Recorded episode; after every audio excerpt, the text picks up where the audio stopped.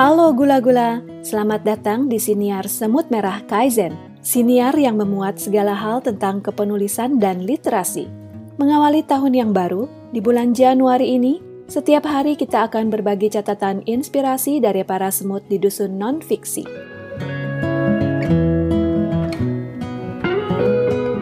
Ini catatan semut Retno Aris.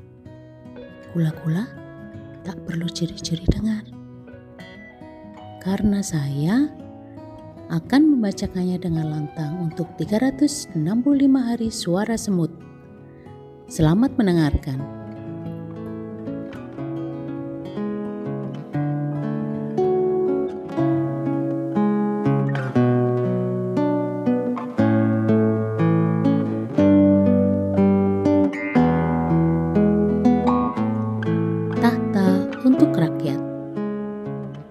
Beberapa waktu yang lalu saat pandemi berusia sekitar satu tahun, ada sebuah pameran lukisan di suatu galeri di Yogyakarta.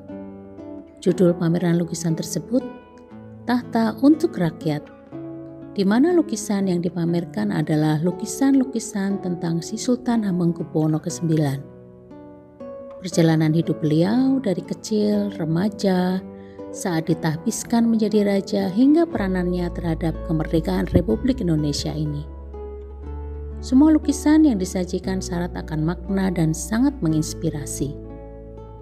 Salah satu lukisan yang menarik adalah lukisan seorang ibu penjual di pasar.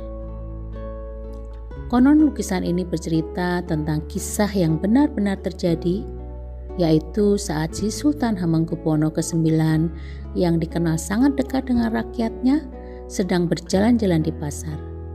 Saat itu si ibu tersebut sedang memanggul beras dan entah karena apa si ibu itu dibantu oleh si sultan dalam memanggul beras tersebut. Setelah tahu bahwa yang membantu itu adalah si sultan, si ibu pingsan dan kisah tersebut menjadi bahan pembicaraan di masa itu.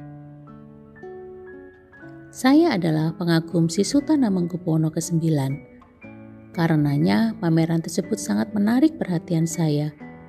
Bukan hanya karena karya lukisannya yang indah, tetapi juga karena filosofi-filosofi serta sejarah yang diceritakan sangat apik oleh kedua kuratornya, yang salah satunya mendampingi saya dan teman-teman saya berkeliling. Lukisan-lukisan yang disajikan semakin membuat saya memahami pola pikir beliau di masa-masa perjuangan. Beliau bersekolah di luar negeri dan terpaksa harus kembali ke Indonesia untuk sebuah tugas yang luar biasa. Ada juga satu lukisan tentang situasi saat beliau berpulang, di mana rakyat Yogyakarta bergabung dan berkumpul di jalanan melepas beliau untuk dimakamkan dan saya adalah salah satu dari ribuan rakyat Yogyakarta yang rela berdiri di pinggir jalan berjam-jam menunggu perjalanan jenazah beliau untuk lewat dari keraton dari dan makam Raja-Raja Imogiri. Rest in peace Raja Yogyakarta yang sangat kami cintai dan kami banggakan. Jasa beliau sangatlah besar untuk negara kita tercinta ini.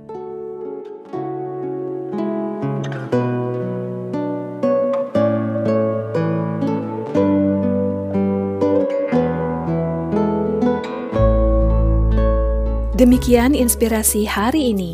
Sampai jumpa esok hari dengan inspirasi yang lain. Salam literasi. Salam.